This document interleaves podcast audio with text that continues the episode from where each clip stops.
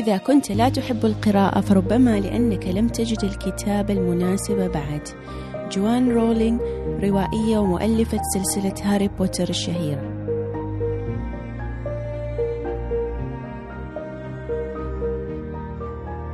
معكم ابتسام الوردي وأقدم لكم بودكاست وعي وتربية.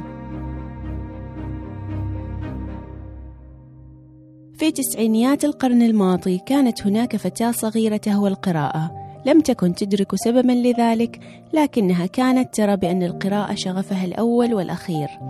ولندرة الكتب والقصص الموجهة للصغار في ذلك الوقت لم تكن قادرة على ممارسة هوايتها دائما. لكنها كانت تنتظر كل يوم أربعاء بفارغ الصبر عشان يشتري لها أبوها مجلة ماجد. والحقيقة أن تلك المجلة كانت أول عهد لها بالقراءة. لاحقا بالمرحلة الثانوية انتقلت إلى أول مدرسة تمتلك مكتبة خاصة بها. لذا بالطبع صارت تقضي كل الفرص المتاحة بالمكتبة. لم يكن هناك الكثير من الأطفال حولها اللي يشاركونها الاهتمام في تلك الفترة. هذه الفتاة كانت أنا.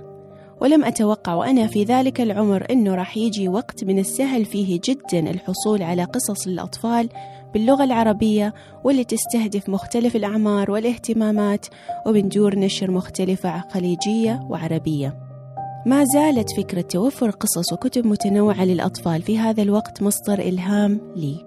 لكن ما يلهم الفرد بشكل أكبر هو معرفة أهمية القراءة والكتب بشكل عام في مراحل نمو الطفل المختلفة.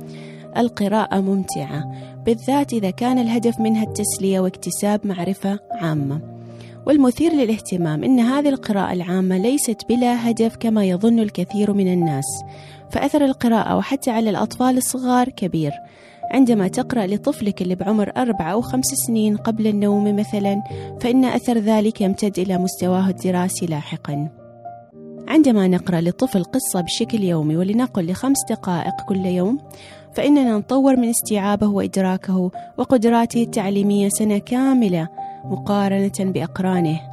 وهناك أبحاث تثبت بأن القراءة للطفل ومن عمر شهور لمرحلة الدراسة راح تطور من لغته وقدراته الأكاديمية واستيعابه وراح تساعده في حل مختلف المشاكل بشكل فعال كما ستساهم في تطوير انتباهه وتركيزه. وبالإضافة إلى أن القراءة راح تحببه للكتب وتحفزه على القراءة بنفسه لاحقا. ينمو دماغ الطفل بأول خمس سنوات من عمره بشكل متسارع. وتشكل هالفترة أهم تجاربه واللي راح تؤثر عليه لباقي حياته. لذا من المهم دمج القصص المصورة والكتب المناسبة لعمره في هالمرحلة المبكرة. ومن المهم جعل القراءة عادة يومية مسلية له بحيث لا تمر السنوات فيصادف أول كتاب له بالمدرسة فتبدو القراءة عندها تجربة مفروضة عليه بعيدة عن المتعة والمرح.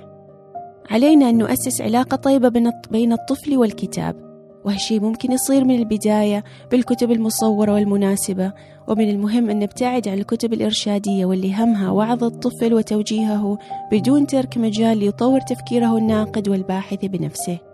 على الكتب عندها أن تخاطب سنه واهتماماته. عليها أن تحفز خياله وتروي تعطشه للاستكشاف.